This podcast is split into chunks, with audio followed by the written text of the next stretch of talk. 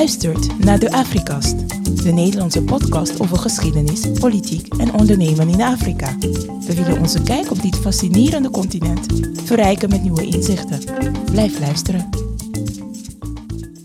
In de tweede helft van de 20e eeuw kwamen de knappe koppen van Afrika bij elkaar met als doel een complete geschiedenis van het continent te schrijven. Deze General History of Africa moest de gedecoloniseerde weergave van het verleden bieden en Afrika definitief losmaken als onafhankelijk werelddeel. De opzet was een ambitieus project dat tien jaar zou duren, maar politieke en financiële problemen maakten er meer dan 30 jaar van. Wat is uiteindelijk het belang van dit project geweest? Hoe is het verlopen en wat kunnen we zeggen van het resultaat? Mijn naam is Jos Hummelen van NGZ. We zitten in werf 5. Er staat achter ons een klein straalkacheltje, wat op zich al een dikke middelvinger naar, uh, naar Moskou is. Maar we hebben het over geschiedenis en een beetje over politiek vandaag. Uh, en de stem achter de microfoon, numero dos, is die van Juri Nortier. Hallo Jos. Juri, op Amerikaanse universiteiten is de beweging veel heftiger. Maar in Nederland is er ook een sterke beweging die de hele handel wil decoloniseren. Heb jij een gevoel bij deze intersectionele beweging? Ja, daar heb ik zeker een gevoel bij. Um, ik zal proberen me zo diplomatiek mogelijk uit te laten. Doe, doe maar niet. Nou, oké. Okay. Wat ik denk, ik denk dat het goed is dat we opnieuw naar de geschiedenis kijken. Um, waar ik zelf een beetje rode vlekken van krijg, is als we de geschiedenis willen gaan herschrijven. En dat zie ik soms wel terugkomen. Dat dingen weggehaald moeten worden. Dat dingen opgepoetst moeten worden. En dat bijvoorbeeld beelden weg kapot gemaakt moeten worden. Ik zie het als het vernietigen van uh, een bepaalde uh, kijk op de wereld, waar ik zelf niet zo fan van ben. Uh, ik zou veel liever willen dat men de meerdere viewpoints, dus de meerdere manieren waarop je naar de geschiedenis kan kijken, wat meer aandacht krijgen. En dat we dus niet gaan oppoetsen, dat we het niet gaan mooi maken. Hmm. Dus ik hoop, ik hoop dat mijn mening aan het einde misschien nog wat uh, beter gevormd is. Oké, okay, oké, okay, ik ben benieuwd. Nou, tot zover de twee mensen die Afrikaanse geschiedenis vooral kennen dankzij Jan van Riebeek en Leopold II. Mooi, uh, ik word ook weer lekker in een hoekje weggestopt. Vandaag is de gast uh, Larissa Schulte-Noordholt, oftewel dokter Schulte-Noordholt. Uh, zij is historica die recent is gepromoveerd aan de Universiteit Leiden, de prachtige universiteit van de Sleutelstad. Op haar onderzoek Africanizing African History over dit project en alles wat erbij kwam kijken. Welkom Larissa. Dankjewel, leuk om er te zijn. In deze kelder. In de kelder, ja. Deze vochtige kelder. Nee, valt wel mee.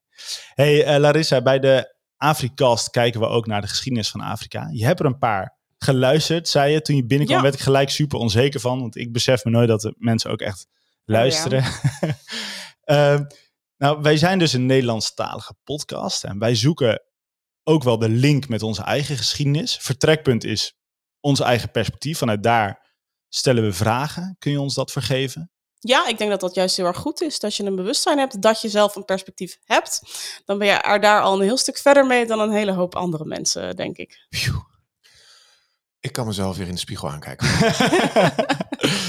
hey, voordat we erin duiken, nog even een bericht van onze sponsor.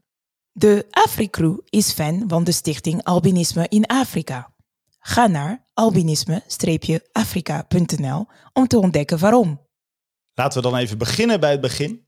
Het doel van dit gigantische project was zogezegd het decoloniseren van de Afrikaanse geschiedenis. Uh, de geschiedenis van Afrika was tot dan toe opgeschreven door Europeanen. Um, dat mag zo vaststellen. Jij knikt. Ja, zeker mag je dat vaststellen. Nou, wat is daar nou het probleem van? Ja, uh, nou, alles natuurlijk. Nee, um, ik denk uh, om te beginnen dat uh, decoloniseren, dat is al een bepaalde, dat is al een bepaald perspectief natuurlijk. In dit, in dit werk noemden deze mensen het zelf soms decoloniseren, maar veel vaker hadden ze het over het Afrikaniseren van de geschiedschrijving. Mm -hmm. Hè, dus het perspectief verplaatsen van een Europees perspectief, een koloniaal, racistisch perspectief, naar een een Afrikaans perspectief. En dat noemen ze dan vaak afrocentrisch of Afrika-centrisch. Nou, wat is nou het probleem van een Europees perspectief? Um, nou ja, dat je dus heel erg vertrekt vanuit wat is nuttig voor Europa. Mhm. Geschiedschrijving betekent, vertrekt altijd vanuit een bepaald perspectief. Het is nooit uh, inherent neutraal. Hè, ik, vond het, uh, ik moet er toch even op reageren wat, wat Juri net zei. Ja, het herschrijven van de geschiedenis, elke generatie doet dat. Elke generatie herschrijft weer de eigen geschiedenis. Nou, waarom is dat? Omdat je altijd de geschiedenis vanuit het heden bekijkt. Al is het alleen maar op de manier waarop je je taal formuleert. Hè. De taal verandert. Dus altijd, als jij de geschiedenis begrijpelijk wil maken voor de mensen in de samenleving nu, zul je daar altijd een bepaalde, uh, ja, een bepaalde kleur aan moeten geven om dat te kunnen doen.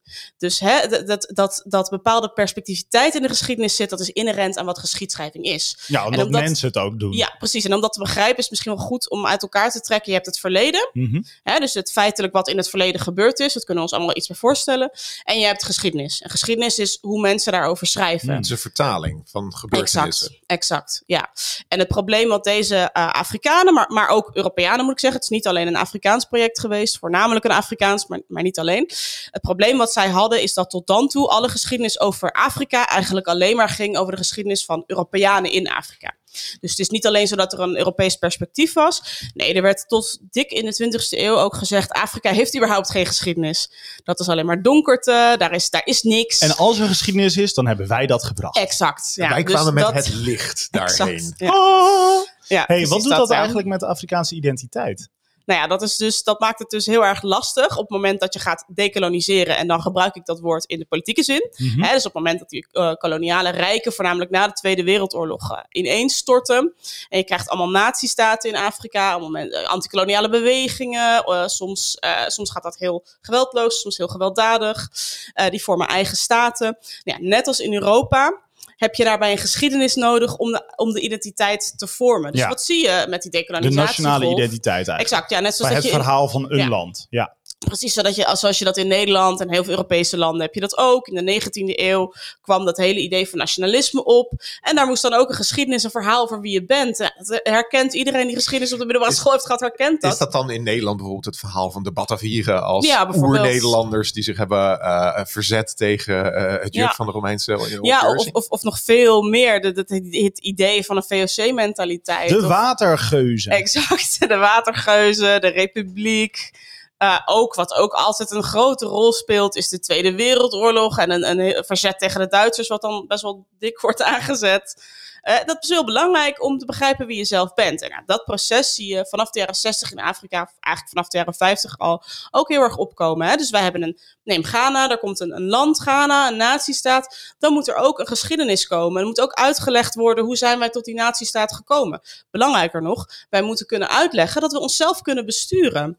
En dat doen we door te verwijzen naar grootse koninkrijken, belangrijke staten in het verleden die dat ook deden. Dus dan komt het, van- verhaal van de Ashanti komt dan naar Ja, boven. bijvoorbeeld. Of nou, alleen al de naam van het land, Ghana, hè, dat verwijst naar een koninkrijk, wat overigens op een andere plek in Afrika lag dan het tegenwoordige dat, nazistaat dat, dat Ghana. maakt dan even niet uit. Nee, dat, dat is ook heel, ehm, ja, dat is dus ook heel politiek en heel erg, ehm, eh, nou, ik kom even niet op het woord, maar heel erg eh, opportunistisch. Maar dan hoor ik nu eigenlijk dat dezelfde problemen waar we eh, de Europese geschiedschrijving een beetje op aanspreken, dat die daar ook gewoon voorkomen. Zeker, ja. Niks menselijks eh, is de Afrikaan vreemd. Dus het is geen betere geschiedschrijving, het is een andere geschiedschrijving. Exact, ja. Ik, ja. Nou, ik zou wel willen zeggen beter. Dus even mijn stelling die je tegen mag spreken. Want het is vanuit het eigen perspectief geschreven. Dat is Ja. inherent beter dan uit een perspectief van een voormalige bezetter. Oh Is- ja, helemaal is- mee eens. Ik bedoelde meer van, het is niet beter dan een Europese geschiedenis over Europa. Nee, precies. Maar het is allebei Maar ja, subjectief. ja, zeker. Nou, duizenden jaren aan geschiedenis van zo'n enorm continent, dat is nogal een, eh, een ambitieus plan. Is het überhaupt realistisch om dit samen te brengen tot één geheel?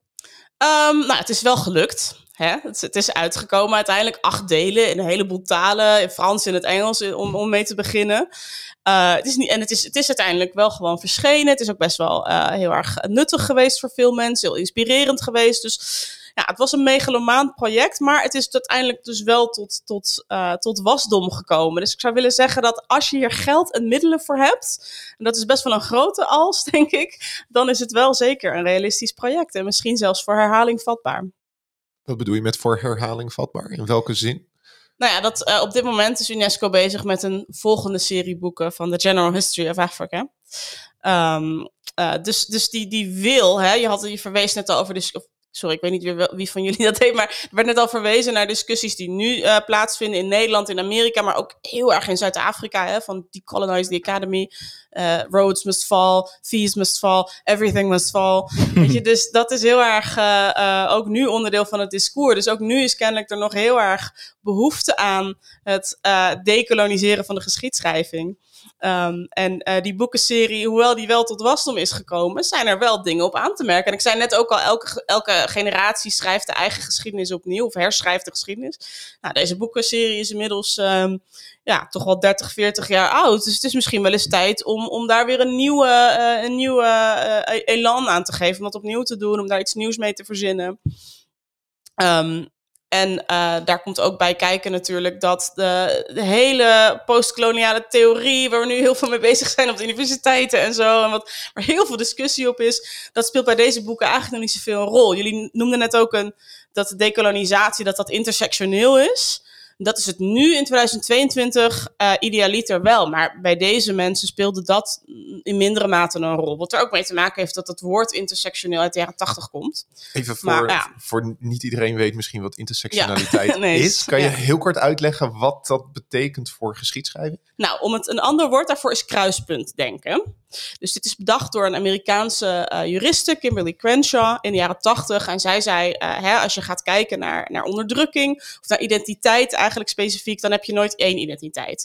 Dus je bent niet alleen man, je bent ook wit. Of je bent niet alleen vrouw, je bent ook zwart. Je bent niet alleen... Um, uh, je bent niet alleen iemand uit de middenklasse, je bent ook nog uh, homoseksueel. Er zijn heel veel identiteiten die elkaar doorkruisen.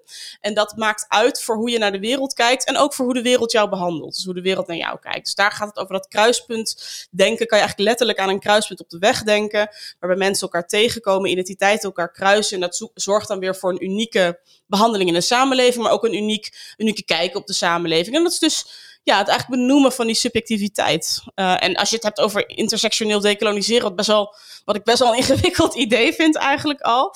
Maar dan bedoel je dus dat je niet alleen kijkt naar de geschiedenis van grote, belangrijke koninkrijken of, of, of weet ik veel, uh, de hogere middenklasse, de, de koningen, maar dat je ook gaat kijken naar het gewone volk of uh, naar LGBT-history of nou ja, vul maar in. Dat is wat daarmee bedoeld wordt. Is dat naar jouw smaak niet juist ook te veel vanuit identiteit beredeneerd. Alsof ik alleen maar uh, mijn identiteiten ben. Man, uh, ja. hetero, wit. Ja. En als dat ik het perspectief van een ander, wat mij inherent een menselijk ding lijkt, niet kan innemen.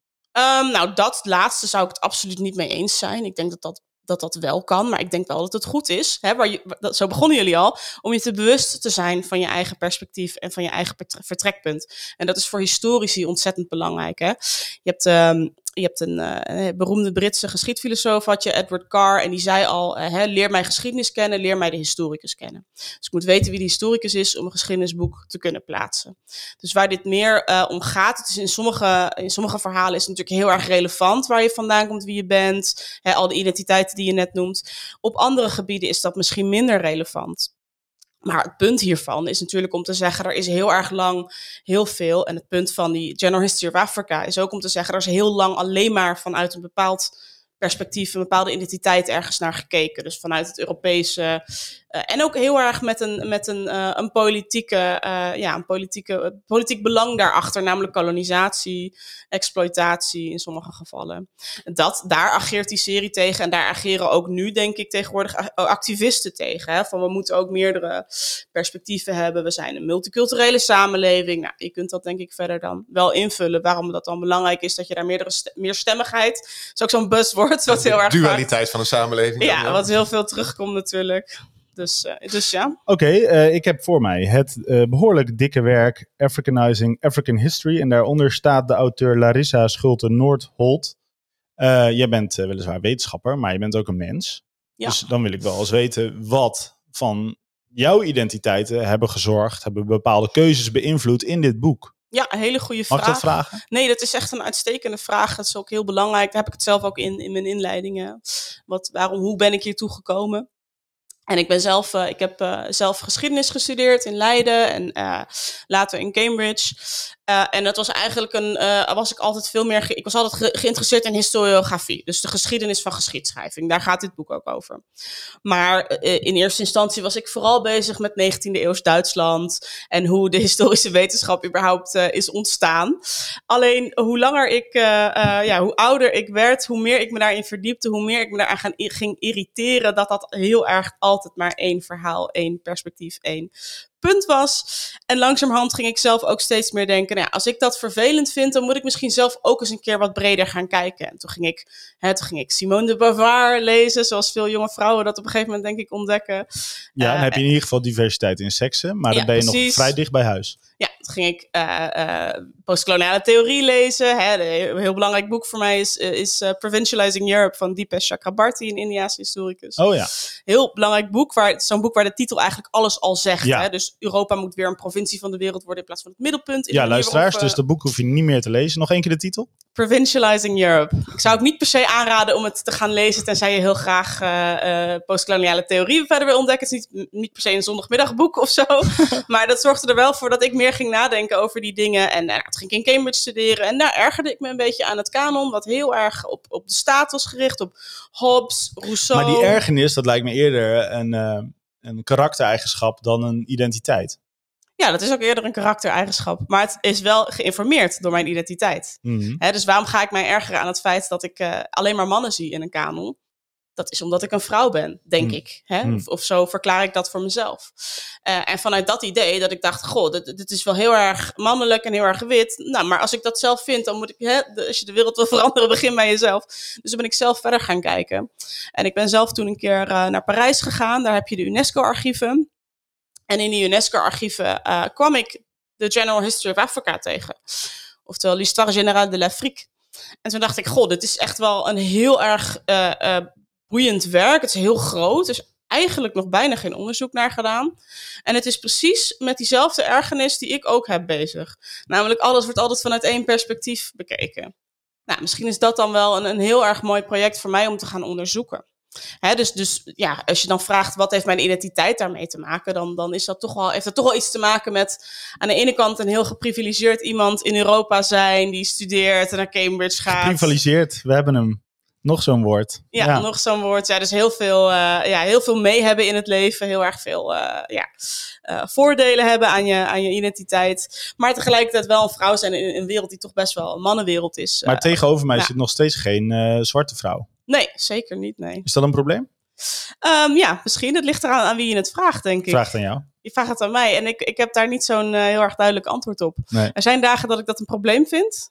En dat ik het daar ook wel moeilijk mee heb. Dat ik denk, oh, oké, eh, ben ik nou degene die dit verhaal voor de, van deze mensen moet vertellen? Ehm, en er zijn ook dagen dat ik denk, eh, nou, maar dat is eigenlijk, ehm, eh, is, het, is het ook mijn verhaal? Is het ook eh, mijn verhaal omdat ik zelf die archieven eh, heel goed ken? Omdat ik bepaalde expertise heb? Eh, omdat ik misschien juist een, een, een perspectief van buiten heb wat, wat interessant is. Omdat dit hele verhaal van dekolonisatie gaat over Afrika. Maar het gaat net zo goed over Europa. Mhm. Want het is een reactie op een Europese manier van kijken. Maar dus dat is het toch dan niet juist interessant voor een Europeaan om daar iets mee te doen? Jij kan Dus mij het- dit toch juist Ja. uitleggen omdat jij Nederlands spreekt, omdat jij mijn geschiedenis waarschijnlijk goed kent. Dan kan je toch juist bruggen bouwen? Ja, in dit geval wel. Nou, ik zou hè? me daar niet schuldig over voelen. Ik voel me ook niet schuldig hoor. Geen zorgen. Voor mijn beeld is het initiatief voor deze nieuwe geschiedschrijving Ja. over Afrika, is dat gekomen vanuit Afrika zelf of is het gekomen vanuit Europa? Nee, dit is echt een eh, Afrikaans eh, pers- eh, initiatief geweest. Ja. Een Afrikaans initiatief in de eh, Verenigde Naties. Toen heeft UNESCO er geld voor gegeven zodat Afrikanen zelf ermee aan de slag konden. En hoe past dat in de Maar, eh, sorry, identiteitsgeest? mag, mag ik je nog heel veel onderbreken? Want. UNESCO, eh, dan, dat, dat poneer je dat als een soort organisatie. Maar UNESCO was een organisatie waar heel veel Afrikanen heel veel te zeggen hadden. Hè? Het heeft heel lang een Afrikaanse eh, director-general gehad. Oké. Dus, dat, dus de- je moet dat niet per se als een Europese organisatie Nee, ik zie het als Absoluut een. VN-organisatie. Ja, maar wel een VN-organisatie die heel lang veel invloed heeft gehad vanuit Afrika. Op een gegeven moment, hè, in 1984, stapt de Verenigde Staten uit UNESCO, omdat ze de houding van UNESCO te pro-Palestijns vinden. Dus UNESCO is ook geen neutraal ehm, eh, eiland in dit verhaal. Dus dat- er zijn heel veel eh, eh, zeer politiek gekleurde onderdelen van, van de VN. Exact. Maar ik was nog even benieuwd, de tijdsgeest in de jaren 60, waarom was die rijp voor zo'n project? Nou, je moet bedenken dat in het jaar 1960, ook wel het jaar van Afrika genoemd, er 17 landen onafhankelijk werden. Dat zorgde ervoor, eh, de jaren daarvoor waren er al veel landen in Azië onafhankelijk geworden. Dat zorgde ervoor dat de, de, de, de machtsbalans in de Verenigde Staten meer in het, voorbeeld, eh, in het voordeel van wat we tegenwoordig de Global South noemen, kwam te liggen. En dat zorgde voor momentum om zo'n project op poten te kunnen zetten. Eh, je hebt eh, binnen eh, de, de vereniging van, ja, je had op een gegeven moment dat je zo'n vereniging van, van Global South landen, de Non-Aligned Movement. Mhm. Dat zegt jullie waarschijnlijk wel wat. Nou, een Ja. van de aanvoerders daarvan was Kwame Nkrumah. En Kwame Nkrumah was echt een Pan-Afrikanist. Mhm. Daar volgens mij is dat vaker in deze podcast voorbij Hij is gekomen. voorbij gekomen, klopt. Ja, ja. En hij eh, vond dus ook, hè, als je denkt, nou, eh, geschiedenis is belangrijk voor identiteit, dan moet je nationale geschiedenis hebben. Nou, als je een Pan-Afrikanist bent, dan denk je misschien ook wel, we moeten een Pan-Afrikaanse geschiedenis van het continent hebben als onderdeel van die politieke droom. Dus Kwame Nkrumah speelt daar een belangrijke rol in. Die jaagt dit echt aan, dit project, in de eerste jaren. Die, die spreekt zich hiervoor uit. Ehm, en in die zin van het momentum van de jaren 60, onafhankelijkheid van heel veel landen, echt een feeststemming in veel Afrikaanse landen. Ook in Congo, je hebt ook dat hele bekende nummertje, Independence Cha-Cha, dat kennen jullie misschien ook wel. Misschien leuk om nog even te luisteren straks. we gaan het er nu onder zetten. Indépendance, cha-cha, tozumie.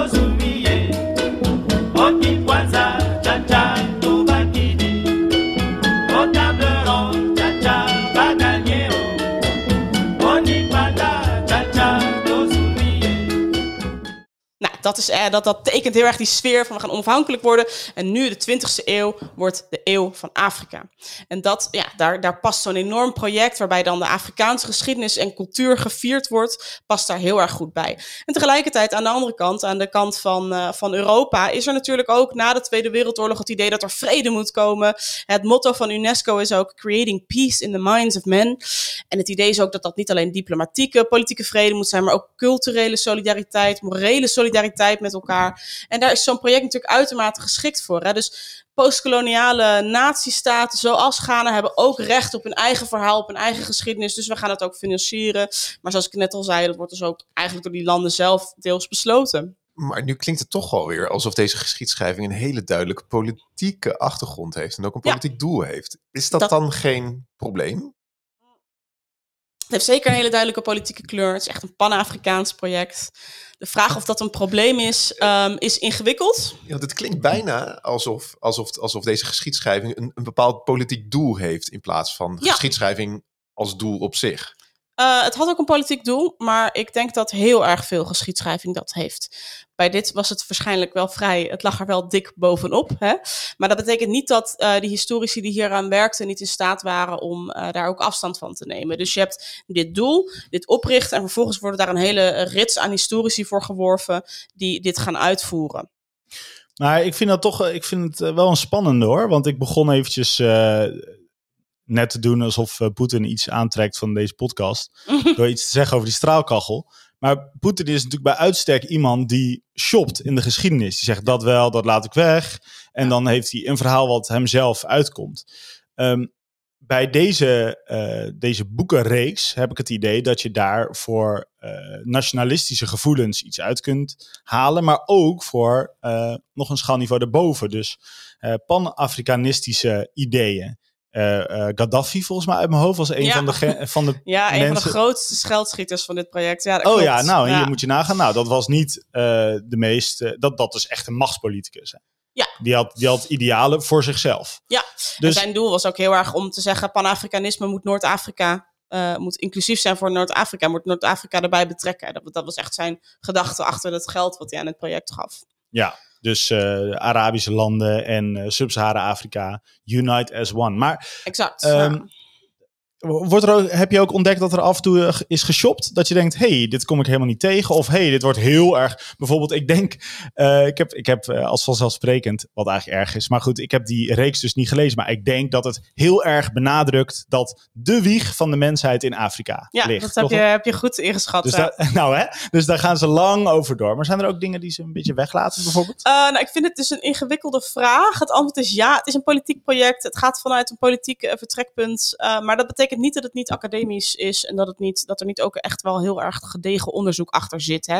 Want Poetin, die je net noemt, is natuurlijk geen eh, gepromoveerd wetenschapper. En daar zit wel een verschil. Er, er schrijven 300 auteurs aan mee. Ja. Eh, er zit een commissie achter van 39 mensen. Die heel erg kritisch op elkaar zijn. Die ook constant eh, echt, echt eh, diepe eh, historische discussies over van alles en nog wat hebben. Dus ehm, het is misschien moeilijk om in je hoofd naast elkaar te hebben. Maar beide dingen zijn waar. Het is en een politiek project. En ja, er zijn inderdaad. Hè, dat, dat, dat de mens uit Afrika komt, wordt inderdaad benadrukt. Heb je, Ja. goed, heb je goed geraden. Terecht natuurlijk. Het klinkt bijna een beetje als het, eh, het klimaatpanel van de VN. De IPCC. Ja, Wetenschappelijk wel een natuurlijk, wetenschappelijk. Wetenschappelijk waarschijnlijk niks op aan te merken, maar ook met een bepaald doel. Ja, maar ik, ik wil ook echt bestrijden het idee dat wetenschap geen doel mag hebben of geen activisme zou mogen hebben. Daar ben ik het echt wel punt, niet mee ja. eens. Omdat als je helemaal kijkt, wat is het ultieme doel van wetenschap? Nou, zeg het maar. Ja, daar zal iedereen een eigen mening over hebben. Nou, maar wat is jouw mening? Ik denk de waarheid achterhalen voor zover de waarheid bestaat. Nou, kennis Kennis vergaren. vergroten, ja. dat is ook niet neutraal. Nee, dat, dat is niet waar. per se neutraal Dus dan, is, dan zeg je welke kennis en wa- Ja, wat niet. ja, je onderwerpskeuze is al, is al kleur. Je kan als je de geschiedenis gaat bestuderen, onmogelijk elke seconde van het verleden beschrijven. Dus je maakt Dus je moet altijd keuzes maken. Ja, precies. Eh, en natuurlijk kun je daarin zo- doorschieten. Ehm, maar eh, het idee, hè, neem de medische wetenschap. Het idee is toch dat we het menselijk leven willen verlengen. Dat is geen neutraal vertrekpunt. Hey, en eh, Maar nog, toch zijn we het daar meestal wel mee eens, denk ik. Dat dat een goed idee is. nou, dan moeten we ook een keer een, eh, eentje over, eh, over doen. Mijn, eh, mijn vrouw is nu een cursus aan het doen over ja, of eh, verlengen. Een cursus? Een dat cursus. Is dat een LOE-cursus? Ja, een cursus binnen haar specialisatie Oké, goed als ja. Maar goed, bla bla bla. Het gaat dan over eh, medische, medische vooruitgang in Afrika. Die gaan we doen. Goed? Oké, ik krijg een duim, dat is goed. Eh, Nog een keer de vraag. Wat zijn ze vergeten? Ja, Of ehm, wat is een klein nou, dit- beetje dit- onder het eh, kleed geschoven? Er is niet echt één ding wat je kan aanwijzen wat echt vergeten is. Maar wat deze serie wel veel doet, is het benadrukt heel erg eh, de interne Afrikaanse dynamiek. Dus de interne, eh, de interne, ik wil trade routes zeggen, maar even in, het, in, in normaal Nederlands, de, ruil, de interne De ruilhandel. bilaterale handel. Het duurde, duurde even voordat ik hem had, maar de interne ruilhandel wordt heel erg benadrukt. De interne contacten, het verzet tegen kolonialisme, wat, wat een beetje wegvalt soms, is de mate waarin Afrika wel degelijk eh, eh, in haar hele geschiedenis met de rest van de wereld in contact heeft gestaan. Hè? De Indische Oceaan is natuurlijk een heel belangrijk onderdeel van de Afrikaanse geschiedenis. Dat, dat wordt wel, het is niet zo dat daar niet over geschreven wordt, maar dat is wel, dat, dat valt misschien wat meer weg. En er zijn ook stemmen in deze, in deze geschiedschrijving die er moeite mee hebben dat de Arabische cultuur, de islam, heel erg belangrijk is voor Afrika. Dus eh, om te zeggen, er is één ding vergeten, dat is denk ik te, dat dan sla je het misschien net iets te veel plat. Ja. Maar er, is- er, er zitten wel om. duidelijke accenten in. Hè? Dus accent is op interne Afrikaanse geschiedenis, interne verhoudingen, verzet tegen kolonialisme.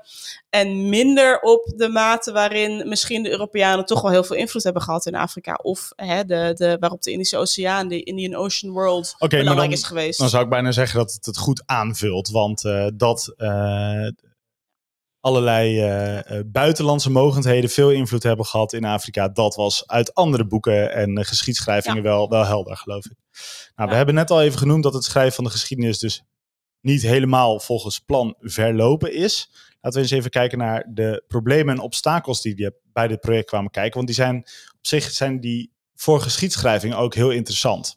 Dus niet alleen maar over dat project, maar dat, dat vertelt ons denk ik in, de bre- in iets bredere zin ook wel iets. Ehm, nou, hoe verliep die samenwerking tussen die Afrikaanse eh, landen slash wetenschappers precies? Hoe werd besloten wat wel en niet relevant genoeg was voor het continent om in die boeken eh, opgenomen te worden? Ja, het is een hele goede vraag. Ik denk wel dat je het moet zien als Afrikaanse wetenschappers en ook echt een, een aantal belangrijke mensen uit Europa, uit Noord-Amerika, die hier echt eh, veel eh, invloed op hebben, ook op dit project. Um, die gaan met elkaar hierover in discussie. En uh, hun eerste instantie is hun insteek: we moeten alles doen. Nou ja, dat, dat, is natuurlijk, dat, dat, dat suggereert al, of dan wordt het meteen al duidelijk waarom het zo lang geduurd heeft. Want dat is best wel lastig. Alles. Um, Alles is Maar het, het, het, het, het, het, uh, in de beleidsdocumenten van dit uh, project staat in eerste instantie gewoon heel erg duidelijk: het belangrijkste is een af afrocentrisch perspectief. Dus hè, vanuit Afrika gedacht. Dus we gaan bedenken, wat is voor de geschiedenis van Afrika interessant? Nou, en dat is natuurlijk een vraag die geen antwoord heeft, want dat hangt ook weer heel erg af van wie je bent. En daar ontstaan dus ook uh, discussies over. Hè? Ik noemde net al die discussie over hoe belangrijk is de Arabische invloed. Nou, je hebt, elk, je hebt acht delen, dat is misschien ook nog wel belangrijk om even te noemen. En elk deel behandelt een ander deel van de geschiedenis. Het laatste deel gaat uh, over de periode na 1935. En de redacteur daarvan is uh, Ali Masroui. Een, uh, een Keniaan, maar iemand die moslim is en ook echt wel uit een hele belangrijke islamitische familie komt. En niet iedereen is fan van hem, vindt dat een goed idee. Dus daar zie je al meteen spanning ontstaan. En die spanningen die tekenen echt dit werk. Maar goed, je hebt dus bij elk deel heb je een andere redacteur. En die redacteur wordt eigenlijk de baas gemaakt van wat is belangrijk voor dat deel van de geschiedenis. En die worden geselecteerd op basis van kennis, op basis van kunde en expertise. En daar wordt dan aan overgelaten uh, wat wel en niet het belangrijkste is voor hun deel van de geschiedenis. Maar natuurlijk wel met onderlinge discussie. Oké, maar uh, ik denk niet dat ze twintig uh, jaar langer of meer dan twintig jaar langer erover hebben gedaan, omdat ze heel lange discussies hadden. Nou ja, voor een deel wel, oprecht. Echt? Ja, voor een deel wel. Ik, ik, weet niet of je ooit naar een academische conferentie bent geweest. Maar uh, historici kunnen er wat van hoor, met, uh, met elkaar discussiëren.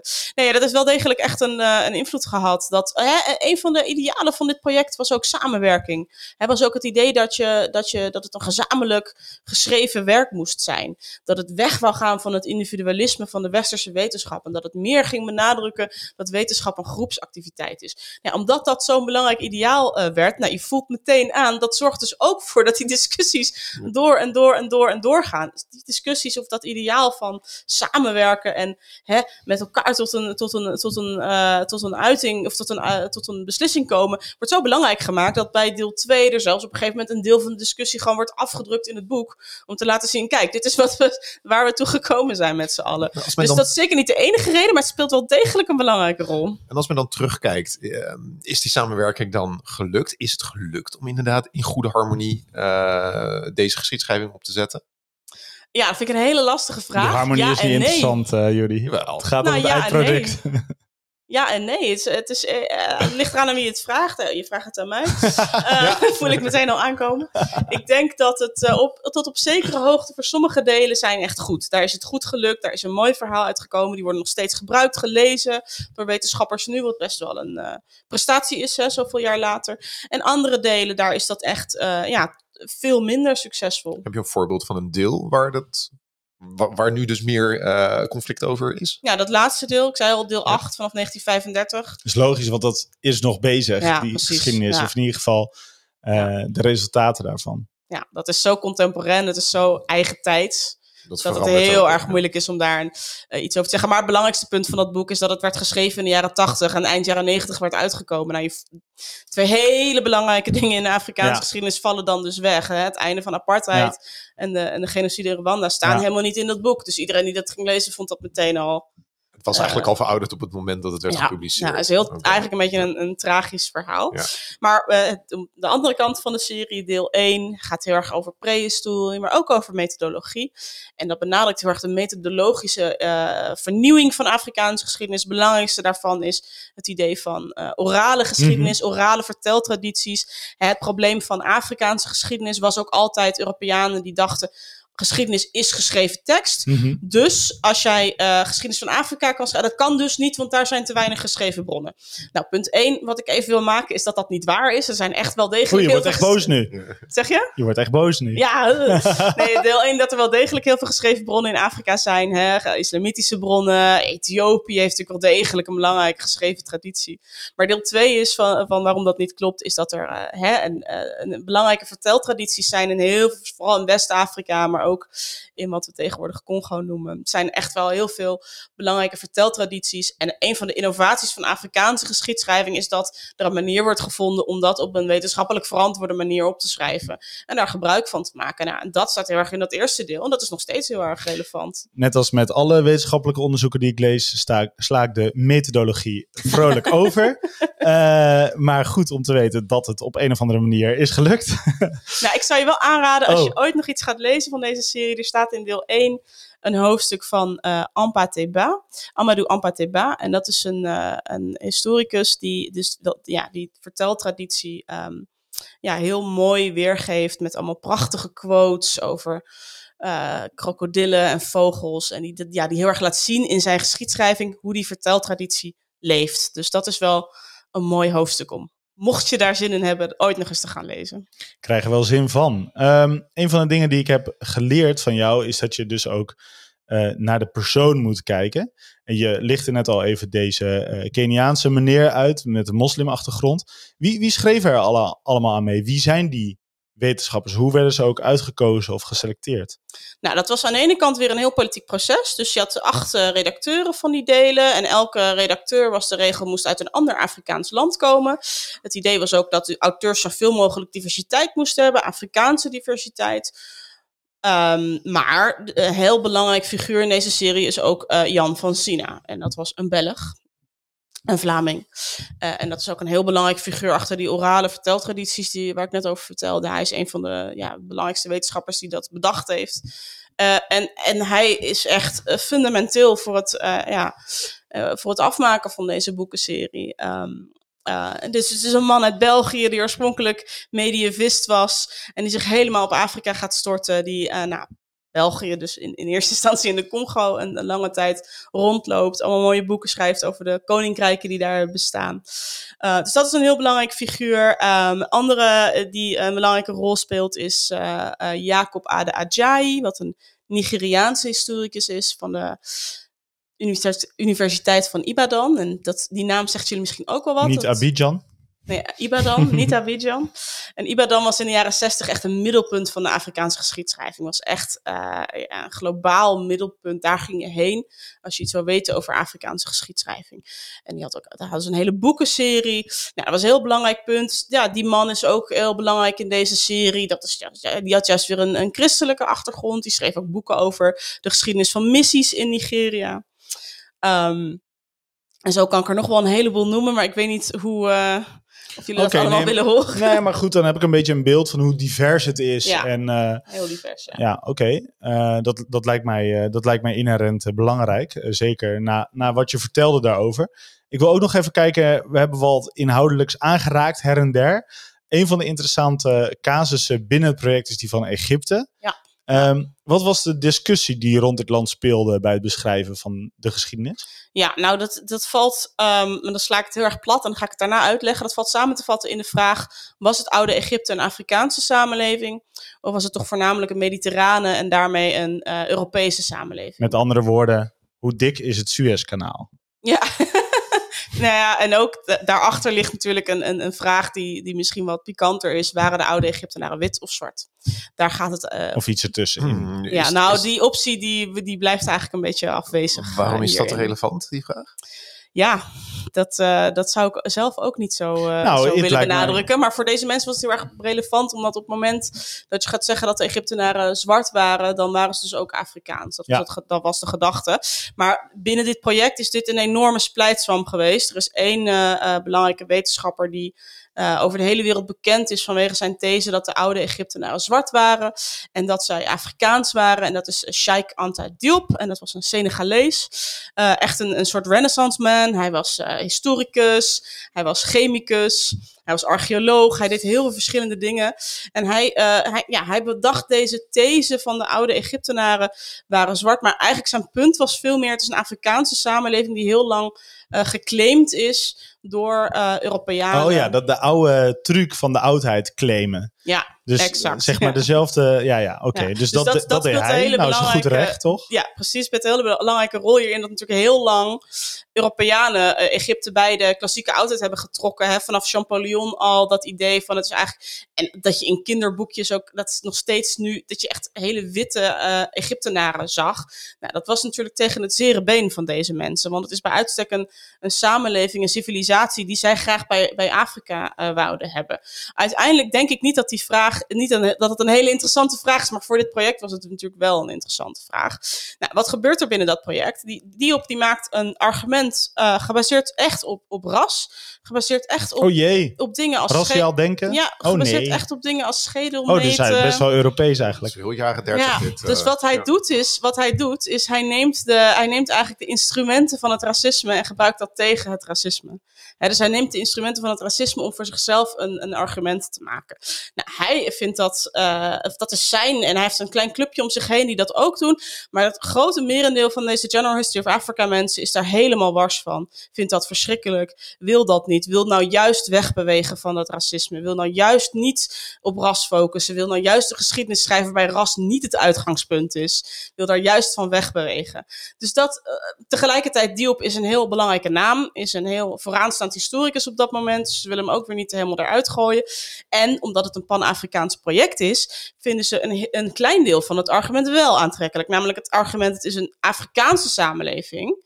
Dat vindt men wel aantrekkelijk. En dan gaat het de meeste mensen binnen, binnen die generation er niet om of die mensen zwart of wit waren, maar hè, het is niet alleen Mag ik- mag ik mediterraans. Diop is even wel, helpen? eh, is wel belangrijk natuurlijk. hè. Hey, Arissa, Ja, mag ik die op even helpen? Graag. Dat is, heeft hij denk ik veel nodig Ja, in weet deze je, setting. Dat hoor ik inderdaad, Het ja. is super sneu om, eh, om heeft het over eh, huidskleur te praten. Kun je niet eh, als uitgangspunt nemen waar die samenleving om draaide, namelijk om de Nijl? ja. En beide Nijlen, de blauwe Ja. en de witte, ontspruiten gewoon in Afrika.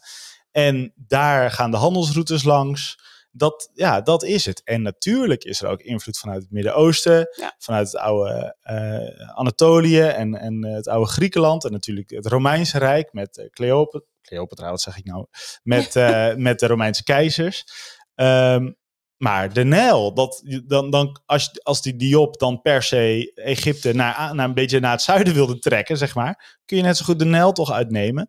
Ja, dat doet hij niet zozeer. Hij linkt deze samenleving ook veel meer aan Senegal, waar hij zelf vandaan komt. Ehm, Wat in West-Afrika ligt. ja, wat in West-Afrika ligt. Hoe? Eh, nou, dat, dat doet hij onder andere door de talen. eh, hè, door, hij is ook nog eh, ling, eh, Linguist. Dankjewel. Jij niet? Ik nee. Sorry. nee, ik niet. Ik weet nooit hoe je dat in het Engels en het Nederlands... Goed, doet Oh er ja, niet toe. Maar Het ik denk dat zijn punt dat het een Afrikaanse samenleving is, dat, we dat, dat, dat, dat hij daar helemaal gelijk in heeft. Hè? Dat je kan zeggen dat het een, een invloed heeft op Afrika en dat het heel belangrijk is voor de geschiedenis van Afrika op allerlei verschillende Ah, manieren. Dus Dat dat staat. Hm. Ehm, ehm, maar die hele discussie over zwarte of witte Egyptenaren. Ik denk dat die discussie uiteindelijk vooral interessant is om wat die teweeg gebracht heeft. En niet om de echte vraag. eh, dat je die, die vraag inderdaad. Dan, dan ben ik eh, het met de andere leden van de General History of Africa eens. Dat dat misschien niet de vraag is die je moet stellen. Wat wel boeiend is aan deze hele discussie, eh, die veel groter wordt nog dan dit project, veel groter wordt ook nog dan die op zelf, is dat in Amerika en eh, Afro-Amerikanen hier ook mee eh, aan de haal gaan en dit heel erg belangrijk gaan vinden. En dat zie je tot op vandaag de dag terug. Denk aan een Beyoncé, die ook heel veel gebruik maakt van Egypte, Egyptologische, Egyptische iconografie in haar videoclips. Dan heb ik even een enorme sprong gemaakt, Ja, maar je ja. ziet wel dat dus dat idee van een zwart Egypte, omdat Egypte juist in Europa zo wordt bewonderd, het oude Egypte, en zo belangrijk onderdeel is van onze cultuur, dat het daarom ook belangrijk wordt om die beschaving te claimen voor de zwarte cultuur. Juri, ik weet dat jij eh, de Afrikast eh, monteert en daardoor ook wel her en der de Afrikast luistert. Maar, Ik probeer het, ja. maar je luistert nog veel meer over de Egyptische geschiedenis. Nou, ik wil ook wel weten wat jij hiervan vindt. Ik vind de discussie niet zo heel erg relevant. Ah. Ehm, ik merk dat eh, ik de Egyptische samenleving, zoals die vroeger was, eh, ontzettend kan waarderen. Ik vind het ongelooflijk interessant. Maar het boeit mij eerlijk gezegd niet heel erg in welk continent het ligt. Kwam deze vraag... Ik zie, ik zie wel dat, dat eh, deze vraag komt ook vaker terug in, die, in, in de podcast. Ik luister de History of Egypt podcast en daar kwam op een gegeven moment kwam ook heel erg de vraag terug. Ehm, was het nou een eh, Midden-Oosten samenleving? Omdat Ja, er op een gegeven moment heel veel samensmelting was tussen de landen van Canaan. Dus eh, dan heb je het echt over Mesopotamië. Er werden heel veel mensen daarheen gehaald. Slaven die daarheen werden gehaald. Er was ook ontzettend veel uitwisseling met ehm, zuidelijker. eh, dan heb je het over Nubië. Daar was ook ontzettend veel Mhm. uitwisseling over. Dus het werd een smeltkroes. En op een gegeven moment, als het een smeltkroes wordt, dan vind ik de discussie wat minder relevant. Kijk, praktisch gezien, het ligt op het continent Afrika. Dus ik kan me er heel goed voorstellen dat mensen het claimen als een Afrikaanse samenleving. Prima. Prima. Ja, en ik denk dat dat is dus ook waar die general history mensen op uitkomen. Hè? Dit is een, eh, een smeltkroes. Dit is een gemixte samenleving. En de vraag welke huidskleur mensen hadden is misschien niet zo relevant. Ehm, maar wat wel wat, wat, wat belangrijk is om aan deze discussie even op te merken, is het gaat niet over het oude Egypte.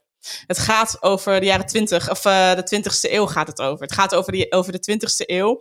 En de vraag eh, hoe, hoe je dekolonisatie moet begrijpen. En hoe je, het gaat over identiteit weer. Het gaat over cultuur, over ehm, wie er een burger mag zijn van welk land. Het gaat helemaal niet over het oude Egypte.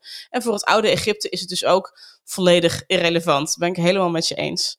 En deze mensen komen er ook op uit. Het is, het is een smeltkroes. En eh, ja, Zometeen gaat de Afrikast verder. Dan wil ik nog wat meer weten over dat laatste boek. Want dat vind ik wel spannend dat je het eh, schrijft terwijl de geschiedenis nog gaande is, zo gezegd. Maar eerst even een korte column met net een ander perspectief. De microfoon gaat open voor onze eigen historica, Malin van den Berg. Bedankt. Do They Know It's Christmas. Geschreven in 1984 door Band Aid om geld op te halen voor de hongersnood die midden in de jaren 80 in Ethiopië heerste. Dit nummer wordt hedendaags nog veel gedraaid op de Nederlandse radio en veel mensen kunnen dit catchy nummer makkelijk meezingen. Het nummer is na 1984 meerdere malen opnieuw opgenomen om voor andere Afrikaanse crisissen, zoals de ebola-uitbraak, geld in te zamelen. Natuurlijk is dit een goed bedoeld initiatief, maar wat betere aandacht naar de lyrics en de cover van het album zorgt bij mij voor wat scepticisme en irritatie. Vooral als het gaat om het herschrijven van de gestereotypeerde geschiedenis van het continent Afrika. Dit nummer heeft het namelijk over een Afrikaanse wereld, waar geen regen valt en geen rivieren stromen, waar niks groeit en angst heerst. Dit is interessant, omdat het nummer gericht was op Ethiopië. Ethiopië heeft namelijk wel regenval, rivieren en vruchtbaar land, maar kent daarnaast ook gebieden met droogte en honger. De hongersnood van de jaren 80 was echter geen direct gevolg van het ontbreken van regenval en stromende rivieren, maar het gevolg van oorlog. Oorlog zorgt er namelijk voor dat gebieden worden afgesloten van de buitenwereld, dat het weerhouden van voedsel als wapen wordt gebruikt. En ga zo maar door. De meeste mensen die dit soort goed bedoelde nummers horen, horen ze op weg naar hun werk, in de auto, op de tv of bijvoorbeeld in de supermarkt en krijgen hierdoor een eenzijdig beeld over dit continent.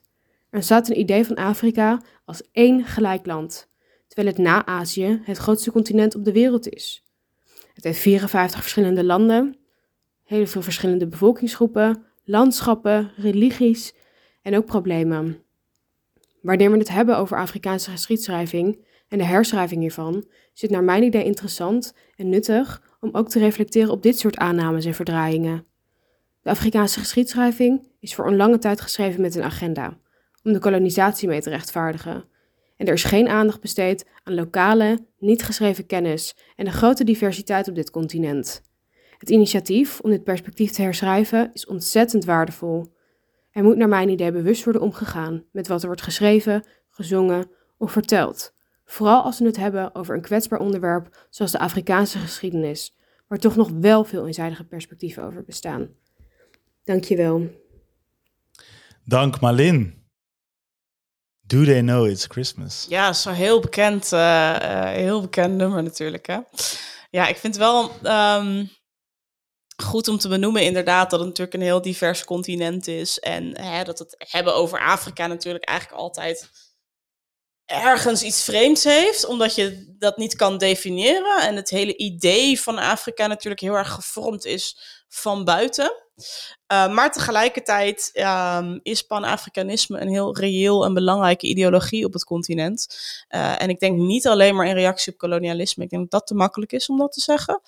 Dus ja, ik vind het altijd lastig. Aan de ene kant ga ik helemaal mee in deze column en zeggen: ja, natuurlijk, je moet aandacht hebben voor al die perspectieven en je moet dat goed beschrijven. En lokale verhalen zijn heel belangrijk. En elites in Afrika walsen daar misschien soms ook te makkelijk overheen.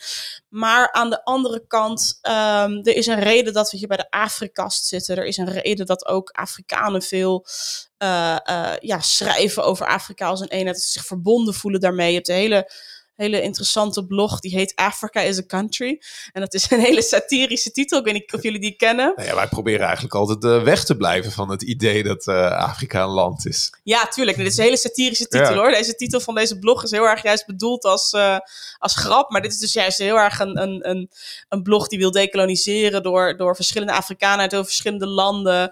Die heel erg ageren tegen dat idee dat, dat Afrika een land is. Maar het feit dat ze dat als titel gebruiken vind ik toch altijd wel een beetje... Het is, het is als het is natuurlijk uh, als satirische titel bedoeld. Maar het steekt. Ja, het steekt inderdaad. Maar het is tegelijkertijd wel weer een blog over heel Afrika. Dus daar zit een spanning in. Ik, ik denk, ja, oké. Okay. Maar ik denk dat het ook met interesse te maken heeft. Ik denk, als jij gaat naar landen als Brazilië of uh, Amerika, voor ons veel bekender dan kom je ook door allemaal eigenlijk uh, uh, staatjes heen. Nou, dat heet dan toevallig een land, maar dat is niet zo federaal georganiseerd als wij misschien denken. En als Amerikanen naar Brussel komen, dan denken ze dat ze naar de hoofdstad van Europa gaan. Dan komen ze natuurlijk van de koude kermis thuis. Maar dat is ook, dat is ook prima om, uh, om erachter te komen dat, er, dat, ja, dat je je beelden langzamerhand uh, moet bijschaven. Ik, ik kom overal in Afrika altijd uh, de kleinste glazenwassers of kleinste bedrijfjes tegen die Afrika qua vorm alleen al het mooiste continent is ever. En je kunt het natuurlijk ook alle kanten mee op. Dus uh, ja, volgens mij voelen Afrikanen zich ook wel met elkaar verbonden. Wat meer dan, dan wij bijvoorbeeld in Europa. Ja, en ik wil ook wel een land spreken voor het laten bestaan van meerdere prikkelende ideeën naast elkaar. Hè. Je, alles hoeft niet altijd uh, met elkaar te passen of alles hoeft niet altijd begrijpelijk te zijn. Met, soms bestaan er heel een complexe dingen naast elkaar. Ja, maar dat kan jij handelen, want jij bent slim. Ja. nee, maar dat is wel heel erg belangrijk. Nee, cognitieve dissonantie is moeilijk. Uh, maar dat is voor geschiedschrijving wel echt heel belangrijk. Hè? Om te begrijpen dat er, dat er heel veel, nou ik wil niet zeggen waarheden, want dat suggereert dat er weer één iets is, maar dat er heel veel uh, versies van, of, of blikken op de waarheid naast elkaar kunnen bestaan. Die elkaar niet altijd, uh, ja, die niet altijd harmonieus samengaan. En dat, dat, dat is oké. Dat is wat betekent om mens te zijn. Deze stilte moet je niet uitknippen. hey, ik had uh, voor de column had ik beloofd dat we nog even zouden kijken naar, uh, naar, de, naar, de, naar het laatste boek. Naar deel 8. Ja. Deel 8. de beschreven geschiedenis loopt door tot het einde van de jaren 70. daarbij werd ook wat gemist. ja, doordat ze ergens een, een, zijn gestopt. Is het überhaupt mogelijk om zulke recente geschiedenis goed te beschrijven in een dergelijke kanon? Of, of zijn de politieke kwesties dan nog niet uh, genoeg uitgekristalliseerd om daar iets zinnigs over te kunnen schrijven? Het is een beetje als een spaafles die je niet moet schudden, maar eerst mm -hmm. gewoon even moet laten staan en tot rust moet laten komen. Ja, er zijn heel veel historici die zeggen dat je pas geschiedenis kan uh, schrijven als iets minimaal 25 jaar geleden is. Jo. Dat is een beetje een arbitraire grens, Ja. denk ik. Maar de gedachte daarachter is natuurlijk inderdaad van de spaafles. Je moet het even laten berusten voordat je er iets zinnigs Mhm. over kan zeggen. Ehm, ik denk dat eh, het inderdaad eh, lastig is om zulke contemporaine geschiedenis te beschrijven, omdat het heel erg eh, politiek is. Maar het is ook wel goed om te weten dat die redacteur van dat achtste deel dus ook geen historicus was, maar een politicoloog. Dat er zit een reden achter natuurlijk. Hè? Dus je kan wel iets schrijven over hele recente geschiedenis. De vraag is alleen of je dan nog of je dan geschiedenis aan het schrijven bent. Ah. Ehm, ja, Nou, dat suggereert de titel natuurlijk wel. Dat suggereert de titel zeker. Ja, nee, dat Maar, klopt. want hoe werd omgegaan met kwesties die zowel in het laatste boek als tijdens het uitgeven ervan nog speelde. Nou ja, dat is, dat is dus ook weer een hele discussie binnen dit boek geweest. Die Ali Mazroui, die heeft op een gegeven moment een, een, eh, een, een postscript Die- die geschreven. Keniaan. Die Keniaan, ja. Ehm, die heeft een postscript geschreven, waarin hij dan de laatste, het tot het jaar 2000 doorging. En eh, dus dit gebeurde eind jaren 90, waarin hij de laatste eh, de dingen ging verwerken. Nou, daar kwam natuurlijk weer een bak aan kritiek op. De ene zei, je bent te, je bent te politiek, het is te gekleurd. De ander zei, je hebt eh, X, Y, Z gemist. En ook nog dit en dat, zus. Zus zo, je hebt dit en dit en dit en dit gemist. Dus die postscript wordt uiteindelijk ook niet gepubliceerd. Want dat blijkt dus veel te lastig om dat te zijn. Dus eh, ik denk dat je wel kan concluderen dat het voor deze mensen inderdaad niet mogelijk was om zulke contemporaine geschiedenis te schrijven. Maar dat betekent niet dat het in het algemeen niet mogelijk is. Alleen, je moet dan nog meer dan je bij andere geschiedschrijving doet, heel erg eh, eh, open en eerlijk zijn over welk perspectief je hanteert. Oké, en toen het uitkwam eh, in 1998. Ja, dat is het laatste deel in het Frans vertaald in, het, in 1998. Ja, ja, precies. Werd, hoe werd dat ontvangen? Werd het... Ja, slecht. Oh. slecht, ja. Dat werd niet heel goed ontvangen. Dat heeft echt hele, eh, hele eh, slechte recensies gekregen. Hele kritische recensies. Kak. Waarbij mensen echt, ja, inderdaad, kak. Waar mensen echt eh, dit af, eh, af aan het branden waren. Eh, echt, en ook niet alleen maar in, in, in Noord-Amerika of in Europa, maar ook wel op het continent zelf. Dus dit laatste deel is, is niet.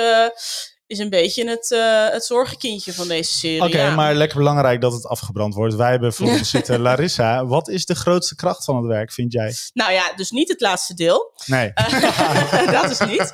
Wat ik denk dat het, de grootste kracht van het werk is, is ehm, denk ik eh, inhoudelijk gezien dat het eh, heel erg veel informatie over heel erg veel verschillende geschiedenissen van Afrika bij elkaar brengt. Dat het heel erg eh, vernieuwend is ook in eh, de onderwerpen die het aansnijdt. Er staat ook een heel mooi hoofdstuk op een gegeven moment. Ik weet even niet uit mijn hoofd welk deel. Maar eh, van Wole Soyinka over de geschiedenis van kunst in Afrika, de geschiedenis Hmm. van literatuur. Echt het moeite waard van het lezen. En dat is best wel vernieuwend hieraan. Dat is heel mooi. Een ander, een wat meer praktisch, eh, heel grote kracht van dit werk, is dat het allemaal open toegankelijk is in best wel veel verschillende talen. In het Engels, het Frans, het Portugees, het Arabisch. Eh, sommige delen ook nog in het Italiaans, in het Spaans. Dus echt met het idee, iedereen in Afrika moet dit kunnen lezen. En moet ook toegankelijk zijn voor iedereen in Afrika. Dus voor scholieren en studenten op het Afrikaanse continent, die zich misschien iets minder dan ik druk maken over al die filosofische metakwesties, is het gewoon een heel mooi toegankelijk werk om heel veel te leren over de geschiedenis van Afrika. Zie je dan ook dat het echt gebruikt wordt Ja. bij geschiedenisonderwijs in Afrika? Ja. Zie je dan ook dat er een verschil is in hoe mensen over hun eigen identiteit gaan denken? Oeh, dat laatste vind ik best een ingewikkelde vraag. Dat zou meer onderzoek eh, vereisen, zeg ik als hele saaie is ook wetenschapper. meer sociaal-wetenschappelijk. Ja, ja, ja, zeg ik als saaie wetenschapper, dat weet ik niet zo heel goed. Maar indruk is dat het heel veel gebruikt wordt, ja. Ook omdat het zo toegankelijk is. Er zijn ook nog eh, verkorte versies uitgegeven in allerlei Afrikaanse talen. In het eh, Swahili, het Hausa, het Peul. Dat is ook heel mooi dat mensen dan in hun eigen taal iets kunnen leren. Dat is natuurlijk heel erg belangrijk, weten wij als een land wat ook erg veel in het Engels leest. Dat het soms best wel prettig is als je iets in het Nederlands kan leren. Dus eh, ja, het wordt in veel, eh, tenminste waar ik ben geweest, wordt het gebruikt, wordt het gewaardeerd. Ehm, buiten Afrika minder. Maar ja, misschien is dat ook niet zo erg, want dat was ook niet bedoeld voor buiten Afrika. En, en, en zie je dan dat eh, de oude geschiedenisboeken eigenlijk eh, eh, bij het vel worden gezet en dat dit echt een vervanging is? Van... Er waren geen oude geschiedenisboeken. Dit is het eerste wat met dit perspectief geschreven is. En dat is wat het ook zo belangrijk en vernieuwend en eigenlijk misschien zelfs wel revolutionair maakt. Deze mensen gaan dit schrijven omdat er hiervoor eigenlijk nog geen synthese, dus nog geen overzichtswerk, nog geen handboek geschreven was die de geschiedenis van Afrika ook echt vanuit Afrikaans perspectief bekijkt. Er zijn natuurlijk allerlei geschiedenisboeken hiervoor geschreven, maar die gaan veel meer uit van het Europese perspectief. Moeten, wij, moeten, wij, moeten wij dat ook gaan doen? in Ja, Europa? ik zou vooral al die acht delen, duizend pagina's per deel, 8000 woorden, of 8000 pagina's, ik zou het allemaal gaan lezen. Nee, ik zou, ik zou eh, dat niet eh, doen. Ehm, Oh. ik zou wel, eh, het kan wel... je niet inspreken als Kunnen we er een podcast van maken? ja, dat ben je heel lang een soort van het bureau, maar dan, eh, dan over Afrika. Nee, eh, er zijn natuurlijk wel delen, ik, ik noemde al een paar hoofdstukken die misschien best wel het, lezen van, het moeite van het lezen waard zijn. Ehm, er zijn ook wel kleinere boekjes die... ehm, ik word heel erg afgeleid nu, sorry. Ja. Je hebt ook eh, nou, de redacteur van deel 1, dat is eh, eh, Joseph Kizerboom. Die heeft ook een heel mooi boekje geschreven in 1964 over de geschiedenis van Afrika, wat veel kleiner is. Dat kan je dan misschien eerst eens gaan lezen. Dat is ook al met, een, met zo'n ander eh, perspectief. Hij kwam uit eh, Burkina Faso. Ehm, je kan wel, zoals ik al zei, eh, zo nu en dan eens een hoofdstuk hiervan lezen. Ik vind zelf het, eh, het deel, maar dat komt ook omdat ik daarin geïnteresseerd ben. Ik vind zelf deel, eh, deel 7, wat over de koloniale periode gaat, heel interessant. Omdat daar is natuurlijk wel heel veel geschreven, ges- daar zijn natuurlijk wel heel veel geschreven bronnen. En dat gaat erg over het verzet tegen kolonialisme. Is echt wel, ja, een, Bij dat deel hadden ze misschien moeten stoppen. Wellicht. Maar ja, hoewel deel 8 natuurlijk ook wel. En dan hadden ze misschien deel 7 laat, moeten laten doorgaan tot de jaren 60 of zo. Dat was een oplossing geweest. Maar goed, wie ben ik om dat eh, te zeggen? Hey, en het werd toen slecht ontvangen. Eh, ik vind het sowieso... Nou, ik moet even. Buiten Afrika werd het slecht ontvangen. Aha. Binnen Afrika niet. Daar werd het lekker, positief lekker ontvangen. belangrijk. Hoe ze het buiten Afrika... Ja. Oh, waar, waar komt dat verschil door? Waarom vonden ze het buiten Afrika slecht en binnen Afrika goed? Ehm, ik wil het ook wel een beetje nuanceren. Eh, dat is ook weer niet zo makkelijk. Die, die, sorry, ik ben, ik ben toch een eh, wetenschapper. Alles is grijs. Ja, alles is grijs, inderdaad. We leven in een grijze, grijze wereld, zeker in Nederland. Nee, ehm, eh, over het algemeen werd het in Afrika beter ontvangen. Dat laatste deel wordt ook in Afrika niet heel goed ontvangen, maar die andere delen wel beter. En dat heeft ermee te maken eh, dat het in Afrika eh, veel, veel relevanter is natuurlijk. Dat het veel meer gaat over, we hebben eindelijk iets over onszelf wat toegankelijk is. Terwijl buiten Afrika gaat men veel meer, ja, wordt het veel meer door wetenschappers gerecenseerd, door historici, die veel problemen hebben met alles wat er op wetenschappelijk vlak niet aan klopt. Die hele discussies over methodologie die Oh, heel saai vindt gaan het- voeren. het voldoet niet aan al die stringente Exact, eisen die ja. er... Ja. oh. Eh, heel, heel grote klacht, ook wel terechte klacht, denk ik, buiten Afrika is, eh, is ook dat het, eh, dat het hele marxistische perspectief hier niet in voorkomt. Eh, dus dat, is- dat is ook wel binnen Afrika zo nu en dan een klacht. Maar het wordt wel minder belangrijk gevonden. Het is in Afrika gewoon veel belangrijker dat het überhaupt bestaat. Hey, en ehm, wordt er nu anders naar gekeken dan toen het uitkwam? Dan mo- de tegenvraag, bedoel je dan binnen het continent? Of Ja, op het maar. continent? Ehm, dat weet ik niet zo heel goed. Ik denk het eigenlijk niet. Ik denk dat het nog steeds, misschien zelfs wel meer, dat men het meer is gaan waarderen. Ja. Hè, toen, dit, toen dit begon in de jaren 60, zei ik al, de Universiteit van Ibadan in Nigeria was echt een centrum voor de Afrikaanse geschiedenis. Maar ook in Dar es Salaam, in Accra had je ook dit soort centra waar heel veel onderzoek werd gedaan. In, in Dakar. En dat is tegenwoordig niet meer, omdat er gewoon heel erg veel bezuinigd is op deze geschiedenisfaculteiten. Dus misschien is er tegenwoordig zelfs wel meer eh, eh, waardering voor zoiets, omdat dat onderzoek tegenwoordig gewoon niet meer mogelijk zou zijn. Oké, we gaan eh, richting, antwoord, eh, richting antwoorden. We gaan, Waar waren we dan afgelopen uur mee bezig, Jos? Bij mij ga je nooit wil je eindelijk een antwoord geven? We gaan richting afronding. Ja. En ik heb een slotvraag voor je. Wij maken dus wel eens een aflevering over geschiedenis van Afrika. Welke tip wil je ons meegeven? Als in wat voor onderwerpen je moet gaan behandelen of eh, waar je op moet hoe, letten. of- ook hoe we die onderwerpen moeten behandelen. Ja, oké. ehm, ik zou zeggen, nodig is een Afrikaanse historicus uit. Ik weet niet of jullie, misschien hebben jullie dat al gedaan hoor. Dat, dat, ik heb niet alle eh 36 afleveringen zitten luisteren, maar eh, nodig is een historicus uit Afrika uit die, eh, die hier iets over te zeggen heeft. Ehm, eh, er zitten ook een aantal historici uit Afrika in Leiden bij het Afrika Studiecentrum. moeten wel Nederlands kunnen. Ja, jullie hebben toch ook afleveringen in het Engels? Een paar, maar daar zijn we een beetje mee gestopt. Daar luistert niemand meer naar. Oké, ja, dat, is, eh, dat maakt het wel lastig. Ehm, maar kijk, kijk of, je, of je die andere perspectieven zelf eens eh, in kan brengen. Ehm, misschien ook wel interessant om te praten over de vraag: waarom eh, is de studie van Afrika nog steeds, wordt dat be- bevolkt door mensen zoals ik en niet door, door Afrikanen toch in, in meerderheid? Dat is, dat is een boeiende vraag om te stellen, om over na te denken. Ehm, en qua, qua onderwerpen zou ik dan toch een lans willen breken voor eh, het onderzoek van Jan van Sina, die Belg. Dat is heel slecht, ga ik zelf een Ja, Belg noemen. nou ja, of... eh, maar zo of- zie je al hoe ja. ingewikkeld het soms is. ja, precies. Eh, die heeft hele mooie boeken geschreven over de, nou, de Kingdoms of the Savannah, heet een van zijn boeken. Ik zou zeggen, ga dat, dat is op zoek over de, de koninkrijken in, in Congo van, voor de, van de pre-koloniale periode. Daar is denk ik niet heel veel over bekend, maar is heel interessant.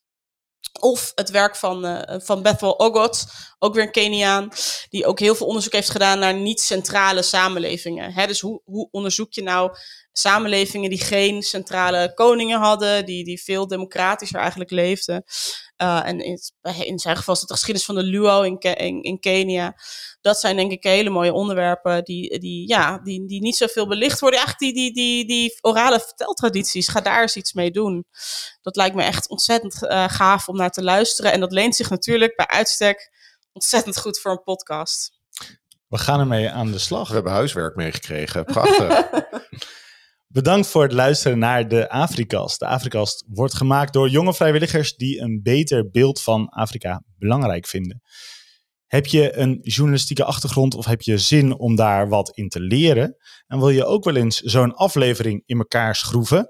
Mail dan naar afrikastpodcast.gmail.com. Dat is afrikastpodcast.gmail.com, want onze redactie is op zoek naar versterking. Speciale dank aan onze columnist Marleen van den Berg en natuurlijk aan Larissa Schulte-Noordholt van de Universiteit Leiden. Tot de volgende keer, dan staat er weer een dampende aflevering voor je klaar. Tot dan. Tot dan.